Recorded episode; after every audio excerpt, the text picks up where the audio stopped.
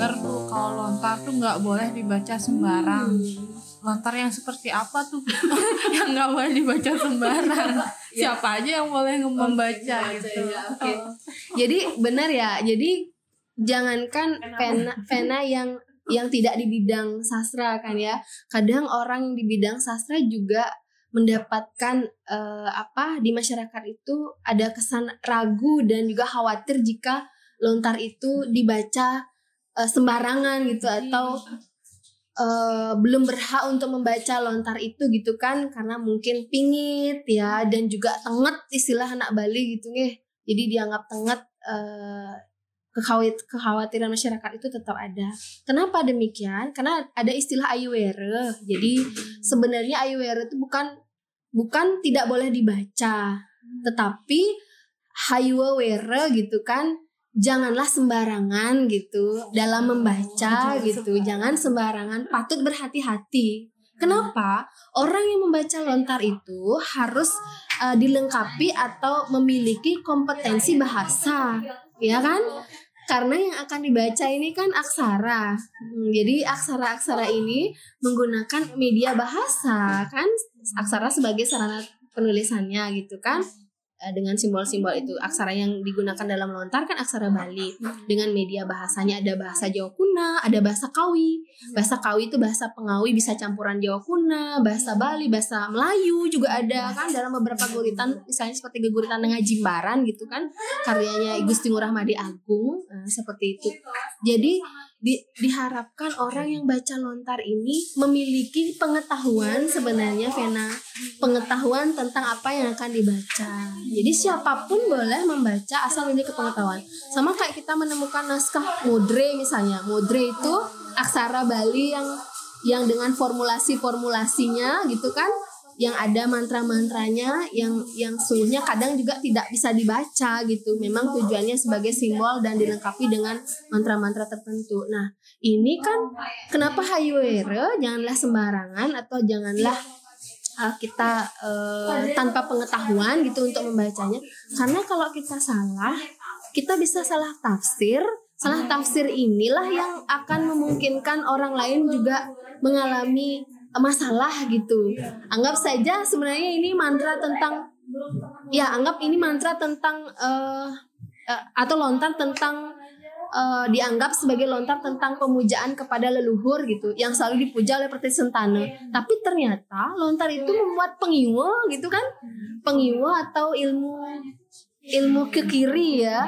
Jadi jadi yang selama ini diusung atau dipuja kan ternyata lontar pengiwa. Jadi inilah uh, kelemahan masyarakat kadang nggak tahu isinya, tapi buat tenget nggak boleh dibaca. Nah kan miris sekali ya. Kita belum tahu isinya, tapi kita menganggap tidak boleh dibaca apalagi disentuh.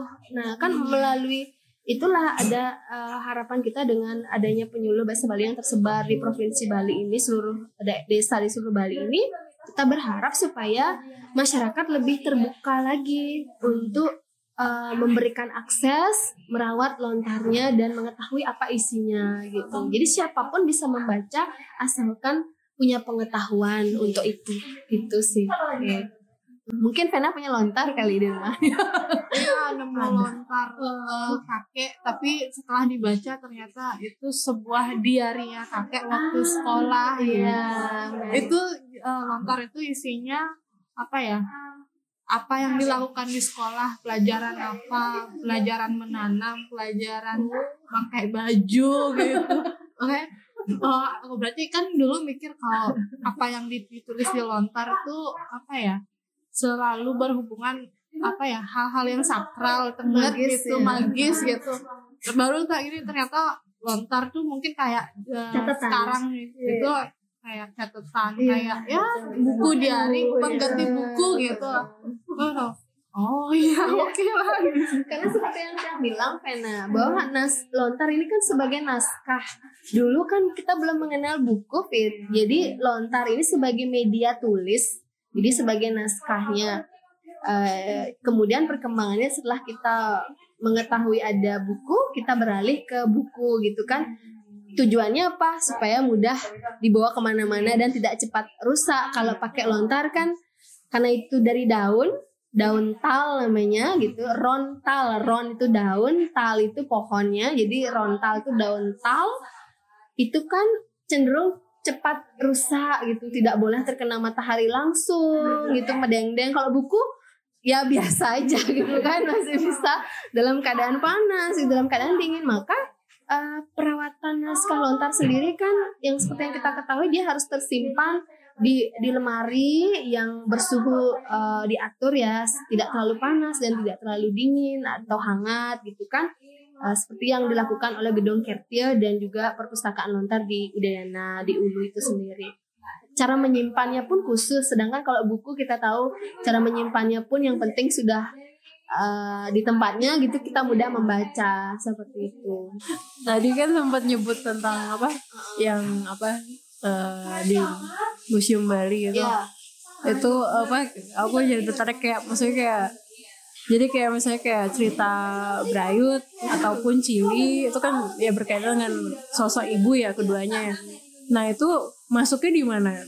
Ya? Dia dia di lontar yang saat Majapahit atau satu oh, eranya ya? Oh, eranya. Iya.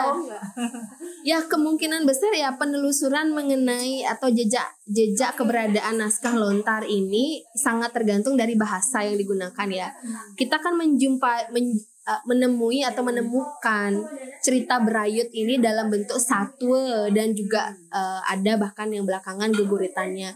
Jadi kita bisa ketahui bentuknya adalah sastra lisan. Pasti jauh sebelum uh, bagaimana perkembangan sastra Jawa kuno itu hadir di Bali gitu anggap saja pada masa Bali Tengahan yang yang ada ada program di uh, gel-gel di Klungkung. Waktu itu kan Raja Bali ya maaf waktu itu di kerajaan gel-gel ada proyek uh, apa menulis naskah naskah berbahasa Jawa kuno sebanyak-banyaknya gitu sebagai karya sastra yang melimpah. Tapi jauh sebelum itu, seperti yang saya bilang, perkembangan sastra kita adalah sastra lisan. Iya. Jadi Brayut sendiri kan sebagai sastra lisan, eh, sebagai satu perkembangannya mungkin jauh lebih dulu. Jadi kekunaannya uh, mengenai persoalan uh, karena kan cerita Brayut ini mengisahkan tentang bagaimana men Brayut dan peran-peran Brayut yang menikah berlatar belakang keluarga yang uh, miskin tidak punya apa pun rumah bahkan reot gitu dikisahkan ya. Kemudian mereka ternyata melahirkan banyak anak. Bisa dibayangkan enggak dalam keadaan miskin tapi punya anak banyak gitu kan? Uh, ini kan seperti uh, apa ya seperti walaupun apa ya seperti kehidupan sekarang ya intinya ternyata masih diyakini bahwa ketika banyak anak itu sebagai simbol simbol dari kesuburan rezeki yang terus ada kan rezeki yang terus hadir gitu untuk membesarkan anak-anak. Ya jadi guguritan uh, apa cerita berayu itu seperti itu. Kemudian dalam perkembangannya agar satu ini dapat diketahui lebih banyak orang kadang juga harus dialih wahanakan atau dirubah medianya menjadi ditransformasi menjadi puisi anggap saja lahir geguritan Brayut Ya, jadi ada geguritan berayut, ya dinyanyikan. Kadang kan orang belajar sesuatu tuh kalau baca uh, kurang menarik ya, ya atau denger aja kurang menarik. Tapi ketika menyanyi, ketika menyanyi gitu orang lebih lebih lebih uh, meresapi apa isinya gitu kan.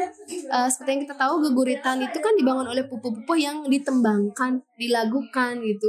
Tujuannya supaya orang yang mendengarkannya itu menjadi lebih paham mengenai isi cerita itu. Jadi geguritan uh, berayut yang ada di museum uh, maaf cerita berayut yang yang uh, divisualisasikan dalam bentuk patung di koleksi di museum itu uh, jelas menggambarkan uh, bagaimana kehidupan agraris kita di Bali. Karena dia disimpan di gedung Karangasem namanya yang ada di Museum Bali yang dikelompokkan uh, dengan uh, apa? Dengan visualisasi yang lainnya berupa patung berupa berupa uh, tetuasan. Tetuasan itu ornamen-ornamen Bali berkaitan dengan kesuburan. Jadi dalam satu komplek itu namanya Gedung Karangasem ya. Di situ salah satunya adalah uh, Cili juga. Nah, mengenai geguritan berayut ini secara visual kan uh, digambarkan dengan ibu yang sedang menggendong anaknya. Ada 18 bahkan ada tafsir lain bahwa geguritan berayut ini dengan anak-anaknya atau dengan men berayut dengan anak-anaknya ini jumlahnya 18 berkaitan dengan uh, aksara Bali. Karena aksara Bali kan ada plekutus gitu kan. Uh, ya ada tafsir lain bahwa ke 18 aksara ini kan ada yang menengadah bentuknya ada yang ngelingap. Ya ini di, di, di, dianalogikan sebagai anak-anaknya berayut. Yang 18 ada yang penjelempang ada yang uh, menggantung gitu-gitu kan ada yang uh, megempel karena gempelan dan lain sebagainya. Bahkan ada tafsir yang demikian ke 18 anak daripada Menbrayut ini. Kemudian dalam kaitannya dengan uh, kesuburan memang sering kali uh, perempuan yang memiliki banyak anak disebut perempuan yang subur kan gitu kan. Jadi tidak salah sebenarnya ada tafsir demikian mengenai cerita Brayut ini. Karena berhasil um, melahirkan dan sekaligus um, merawat ke-18 anak ini sebagai konsep kesuburan. Kan itu yang diharapkan dalam kehidupan agraris kita di Bali. Terus menerus dia tetap ada tidak hanya uh, di, di tidak hanya ditanam tapi juga dirawat kan gitu ya uh, untuk menghasilkan kualit apa padi yang berkualitas kan anak-anak yang berkualitas karena di cerita Men Bright sendiri di akhir ceritanya jelas bahwa dikisahkan ke-18 anak dari Men Bright ini uh, memiliki paras yang cantik. Dan juga ada yang tampan. Selain itu mereka juga akhirnya menemukan jodohnya masing-masing hidup dengan bahagia gitu kan. Uh, ini kan tidak bisa kita lepaskan dari tafsir bahwa semuanya hidup uh, orang tuanya berhasil um, merawat anak-anaknya ini dengan baik. Sama dengan para petani yang diharapkan merawat uh, padi-padinya ini dengan baik sehingga menjadi padi yang berkualitas yang kita makan supaya efeknya adalah orang Bali beli beli beras hasil petani orang Bali. Supaya nggak iya, ngimpor uh, beras gitu kan. Ya bisa kita kembangkan lagi yeah. kalau misalnya tafsirnya menjadi lebih luas yeah. lagi seperti itu. Kemudian koleksi lainnya kan uh, Chili ya. Uh, Chili dengan visualisasinya di uh, Museum Bali itu berupa uh, tetuasan dan juga ada juga patungnya. Patung Chili dibuat dari tanah tanah liat itu ya. Uh, uh, kemudian patung cili seperti yang kita tahu kalau di dalam tetuasan uh, uh, orang Bali misalnya dalam buat upekara saat saat uh, kuningan misalnya kita ada gantungan kan ah, menggantung itu kan cili itu konsepnya. Ya. Yang kita sebenarnya sudah yakin ya sejak dulu. Makanya setiap kuningan ada gantung-gantungan gitu orang Bali bilang ya gantung-gantungan itu berupa cili ada kepalanya ada tubuh tangan kaki itu sebagai simbol uh, perempuan juga kan kesuburan juga uh, yang yang yang yang ada dalam uh, kehidupan masyarakat Bali. Maka dari itu kan masyarakat Bali ini identik dengan ada uh, mantra. Jadi orang Bali meyakini man kekuatan mantra. Ada tantranya gitu, tantra filosofis atau uh, ajarannya gitu kan. Uh, mantra, tantra, ada yantra. Nah, yantra inilah sarananya itu. Oh. Kalau orang Bali sembah maturan ada upakara, ada bantennya. Di, divisualisasikan dia itu yantranya gitu. Jadi ada mantra, ada tantra sebagai ajarannya, uh, filsafatnya dan kemudian ada yantra, ada sarana atau media. Gimana kita mau meyakini suatu ajaran apa dong yang kita gunakan sarananya. Nah, hmm. dari itu orang Bali kreatif ya, para leluhur kita buatlah bentuk cili gitu kan dengan meyakini ajaran atau tantranya tentang kesuburan itu konsep kesuburan jadi memang konsep kesuburan itu identik dengan uh, hubungan dari pursa pradana itu ya Fit ya. Pursa pradana itu di balik laki dan perempuan itu ya uh, feminin dan maskulinitas ya bertemu di situ. Jadi itulah identik dengan uh, cerita Brayut dan konteksnya dengan Cili juga sebagai yantranya gitu fit.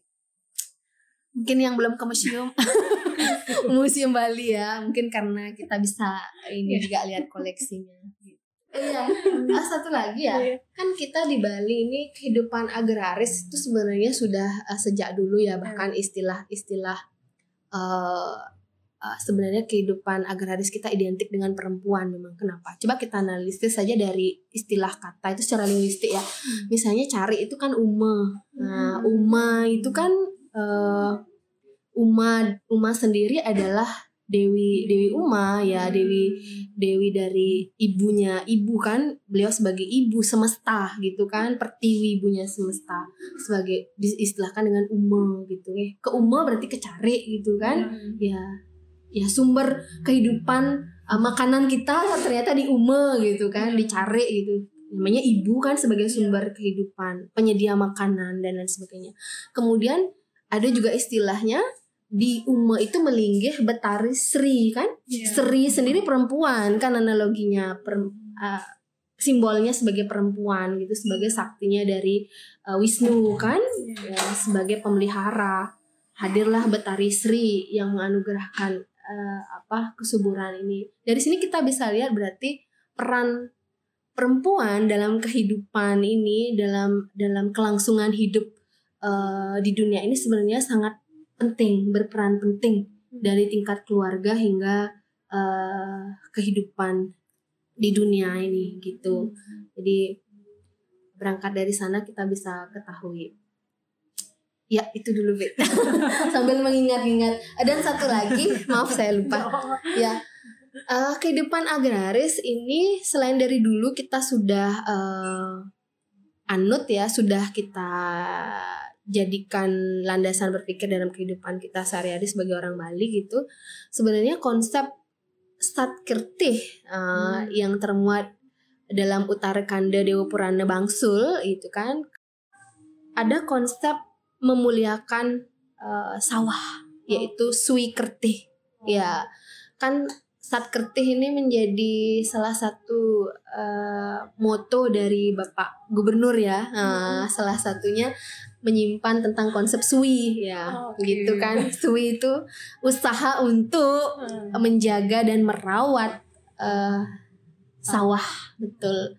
Jadi ini mudah-mudahan gayung bersambut dan eh, apa yang diharapkan oleh Bapak Gubernur kita memang benar-benar ter- terrealisasi justru membuat eh, apa kehidupan agraris kita lebih baik bukan bukan sebaliknya jadi tahu. Ah, tadi itu kamu menarik banget. Kak Eh, yang mengenai tentang peduasan Ah, tuh. pendewasaan ya apa? Pedewasan. Eh, ada nggak eh, eh, apa namanya sistem tersebut? Eh, kan misalnya kalau perempuan mel- melakukan suatu gitu ada nggak yang berhubungan tentang pendewasaan dengan perempuan? Mungkin eh, hari ini perempuan tuh harus begini ini ini, gitu. ada nggak yang model seperti itu? Ya. Yang spesifik untuk perempuan ya eh, hari baiknya ya. Eh, yang sepengetahuan saya gitu menurut tutur pendewasaan yang pernah saya eh, jumpai itu sebenarnya tidak spesifik untuk perempuan tapi untuk manusia aja kehidupan dan termasuk manusia dan makhluk hidup lainnya Nggih, eh, misalnya berkaitan dengan binatang dan tumbuh-tumbuhan maka dari itu kan ada hari baik untuk eh, apa menanam dan lain sebagainya. Eh, cuman ada salah satu eh, lontar eh, tentang perempuan gitu, Stri Sesana judulnya, ya itu me- mengisahkan, eh, bukan mengisahkan, memuat tentang bagaimana memilih perempuan untuk jadi seorang istri gitu.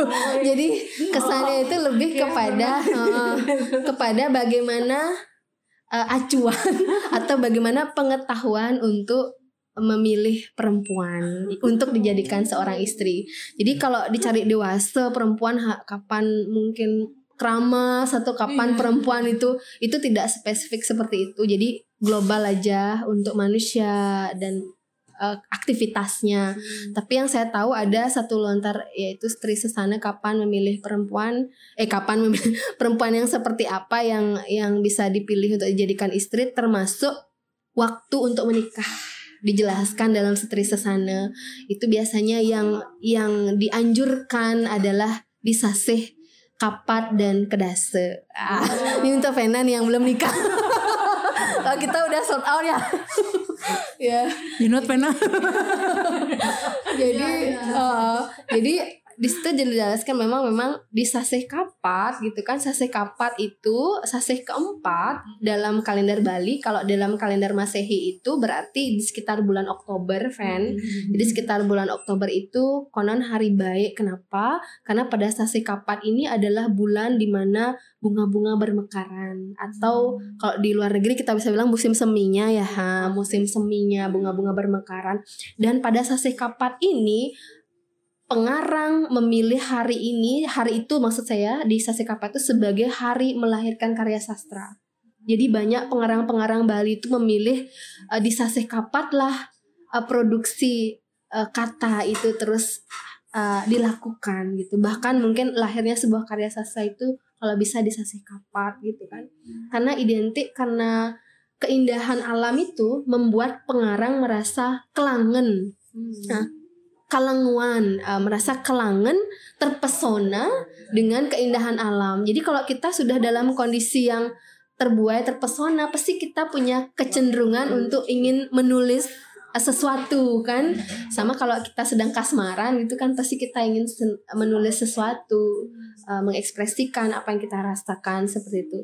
Selain itu disasih kedase jadi disasih kedase ini uh, kan, kenapa hari baik karena pada sasi kedasa ini konon memang situasi alam atau kondisi alam saat itu dalam keadaan yang bersih kedas ya. Oh. kedas. Ya memang kedas. Bukan ada uh, tafsir lain lagi karena kata kedas sendiri juga berpengaruh kepada uh, situasi waktu itu di sasi kedasa. Ya. Uh, sasi kedasa ini konon langit cerah seperti itu ya jadi jarang uh, apa hujan dan juga tidak terlalu panas gitu. Konon siapa yang menikah di Sasekedasa dalam Sri Sesana ini dijelaskan bahwa ia akan uh, mendapatkan kebahagiaan uh, selamanya bersama dengan pasangan seperti itu kan? Itu keyakinan ya yang dijelaskan dalam sastra. Tapi tidak menjamin juga tergantung bagaimana pasangan itu menyikapi persoalan mungkin ya Fit ya. Itu kan hanya doa dan harapan iya. dari dari leluhur kita seperti itu. Sudah ditentukan bulan apa?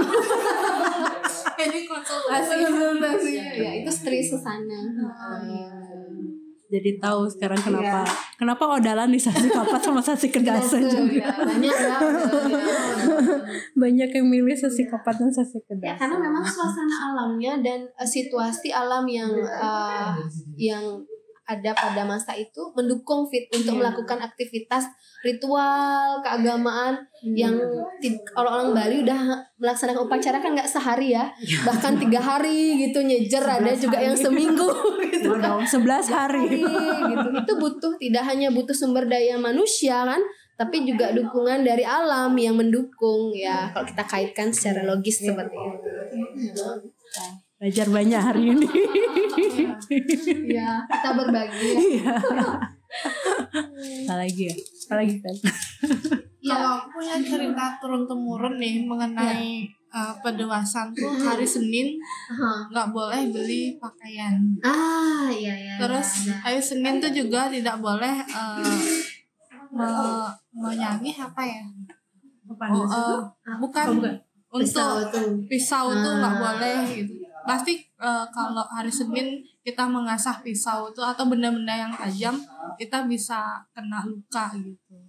Iya. Jadi pendewasan itu kan ada berdasarkan Sabtuwara yang tadi iya. Vena bilang itu kan Sabtuwara selama seminggu itu Soma Anggara Buddha itu kan berkaitan dengan hari. Ada juga pendewasan yang berkaitan dengan wuku kan. Hmm. Ada juga yang bahkan berkaitan uh, dengan bulan saseh gitu kan uh, misalnya aja pedewasan untuk ini apa menanam padi gitu hmm. kan ada kan di bulan April gitu kan uh, jadi yang tadi ber, berlayar Ya, benelayan juga bendege juga punya kapan waktunya dia harus uh, ke laut gitu kan. Nah, tadi Vena bilang tentang uh, apa hari Senin tidak beli barang bahkan kalau di Bali itu kita identik Sabtu waranya itu yang berkaitan dengan pendewasaan hari baik mencukur rambut justru kan uh, hari Senin itu justru hari baik mencukur rambut apalagi nepek purnama kayak kemarin ini. Iya. Jadi kemarin ini kan purnama pas hari Senin. Justru itu hari baik menjadi bukan hari buruk. Kalau beli pakaian menjadi hari buruk dia. Kalau konteksnya rambut menjadi lebih baik kan hari yang baik untuk untuk uh, mencukur rambut. Jadi aktivitas atau pendewasaan sendiri tidak mengacu pada satu kegiatan. Jadi di dalam satu hari itu bisa ada kegiatan yang baik, ada bisa kegiatan yang buruk. Seperti yang contoh yang uh, saya jelaskan tadi gitu. Oke, kalau buka bahkan kalender Bali digital pun ada ya. sekarang kayak apa? Lengkap. Ya lengkap. Kayak yang boleh tuh apa yang enggak tuh apa gitu. yang ayu tuh apa yang enggak tuh apa. Iya. Ya. bayangin nggak kalau kita di zaman sekarang bisa nggak buat kayak gitu ya? Justru kenapa orang yang uh, leluhur kita di zaman dulu beliau bisa melihat uh, apa melihat uh, apa yang terjadi di masa yang akan datang dalam konteks masih relevan lah ajaran ini digunakan dalam masa yang mendatang. Nah, ini kan juga butuh orang Bali bilang memang taksu ya. Taksu itu butuh kekuatan ya, punya kekuatan dia, taksu itu punya kekuatan sehingga dia tetap bisa sustain, bisa tetap terjaga bertahan sampai eh, tahun-tahun yang selanjutnya gitu masa-masa yang mendatang gitu ya. Jadi baca naskah-naskah kita. Tapi tetap harus didasari dengan pengetahuan bahasa. Jadi kalau salah menafsirkan jadi salah pengertian dan pemahaman kita terhadap uh, sesuatu. Ya sih. Tapi uh, kalau menurut Chandri keberadaan kalender Bali yang kita tahu ini, yang kita tahu sekarang ini, yang ada terus ini apakah memang karena kegiatan ritual kita itu sendiri atau apakah ada faktor lain yang membuat itu akhirnya masih kita pegang gitu sebagai pegangan gitu saya karena kan kalau kemarin nih kayak ke Jogja Jogja itu kan sebenarnya juga masih punya juga tapi tidak selengkap kita gitu. Misalnya primbon. Ya primbon tuh mereka nyari online. Oh. jadi jadi ada yang bikin website primbon gitu. Canggih juga sih itu gitu. Jadi tapi kalau di kita kan masih memegang kalender Bali ini sebagai yeah. sehari-hari yeah, gitu. yeah, nah apa sih? ditulis oleh Bambang Gede Rawi. Ya dan ada labelnya. Iya, iya. bahkan ada label hmm. ya ada orang yang prefer pokoknya harus Bambang Gede Rawi gitu. apa sih yang membuat apa kita masih memegang itu gitu? Apakah karena memang kita masih menjalani semua ini atau Ya, karena kehidupan itu yang seperti yang saya bilang tadi Fit. Jadi uh, orang Bali itu kan tidak hanya sekedar menjalankan ritual atau aktivitas uh, religiusnya saja, tapi dia juga punya konsepnya, punya ajarannya gitu kan. Jadi berangkat dari situ, ajaran-ajaran itu ada, pengetahuan itu ada, gitu. termasuk astronomi atau pendewasaan itu ada. Otomatis orang Bali mengacu pada uh, ajarannya hmm. gitu ya, bukan pada keyakinan atau mitologi iya, terhadap kalender atau padewasaan itu, tapi memang mengacu pada ajaran, sebuah ajaran yang kiranya ajaran tersebut memang sampai sekarang atau saat ini relevan dan tidak merugikan gitu kan. Semasih ajaran itu memang memberikan jalan kemudahan kepada orang Bali untuk melakukan aktivitasnya gitu sih. Uh. Yes. In a way emang apa ya kayak apa ya istilahnya kayak uh, ya mencari jalan yang lebih baik ya. lah gitu lewat yang apa kalender yang complicated lumayan rumit sebenarnya.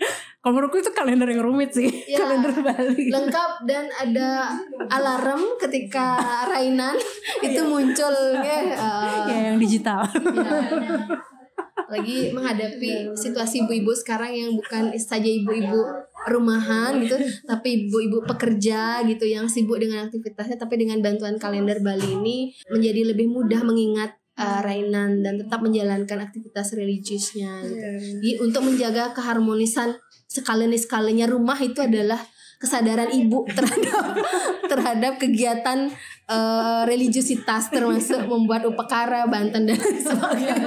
Iya. iya. Dan saya udah hidup dua hari sebelum alarm. Iya, bisa diatur kan pada. Di akhir ya saya cuma iya. sebagai perempuan ya, perempuan Bali dan sekarang sudah menjadi ibu juga. Saya baru sadar bahwa aktivitas menyampaikan pengetahuan atau ajaran melalui media satu itu sangat penting Fit. Hmm. Jadi kalau misalnya ibu-ibu sekarang tidak uh, punya pengetahuan lisan hmm. atau menghafal sebuah cerita atau satu itu bisa kita alihkan dengan membaca buku satu gitu kan? Jadi nggak ada alasan satu itu tidak diteruskan aku nggak apa lo ceritanya siap selam kengken tuh gitu kan? Nggak apa detailnya kenapa bisa anaknya tujuh gitu? Apa kaitannya dengan dengan Sabta Mala yang ada tujuh kekotoran gitu misalnya kan? Aduh kayak gitu nggak ngerti gitu misalnya. Justru bisa dialihkan dengan membaca buku satu itu uh, kepada anak-anak kita sebelum tidur Kenapa penting? Karena sebelum tidur dalam ilmu parenting ya, konon sebelum tidur ini um, saraf-saraf motorik anak ini sedang melemah yeah, kan ya, yeah. karena dalam keadaan mengantuk. Saat melemah itulah per peran penting masuknya ajaran-ajaran itu uh, sangat penting bagi kehidupan anak karena di situ dia akan membangun imajinasi dan sekaligus akan uh, menciptakan uh, di dalam dirinya itu suatu kesadaran bahwa apa yang ada di dalam satu ini memang terjadi dalam kehidupan nyata gitu kan. Jadi penting ibu-ibu ini uh, para ibu untuk meneruskan satu sebagai media pembelajaran anak-anak. Itu sih ya. Karena satu pada akhirnya yang akan nasihat-nasihat yang dalam satu itulah yang pada akhirnya akan merawat anak-anak ini di usia dewasa nanti gitu. Jangan lupa satu. Bapak-bapaknya juga. Bapak-bapaknya juga nggak? Iya betul. Jadi nggak hanya tugas bapak ibu. ya, ibu ya, tapi juga tugas bapak sebagai orang tua. Gantian ya. Oke, terima kasih Jandri atas ah, waktunya dan cerita-ceritanya. Terima kasih. Demikian episode kali ini. Uh, semoga bermanfaat. Uh, jangan lupa uh, follow Instagram kami di @rupabali_podcast untuk update-update selanjutnya dan juga silahkan kirim uh, kritik saran di email yang tertera di Spotify kami. Sampai jumpa di episode selanjutnya.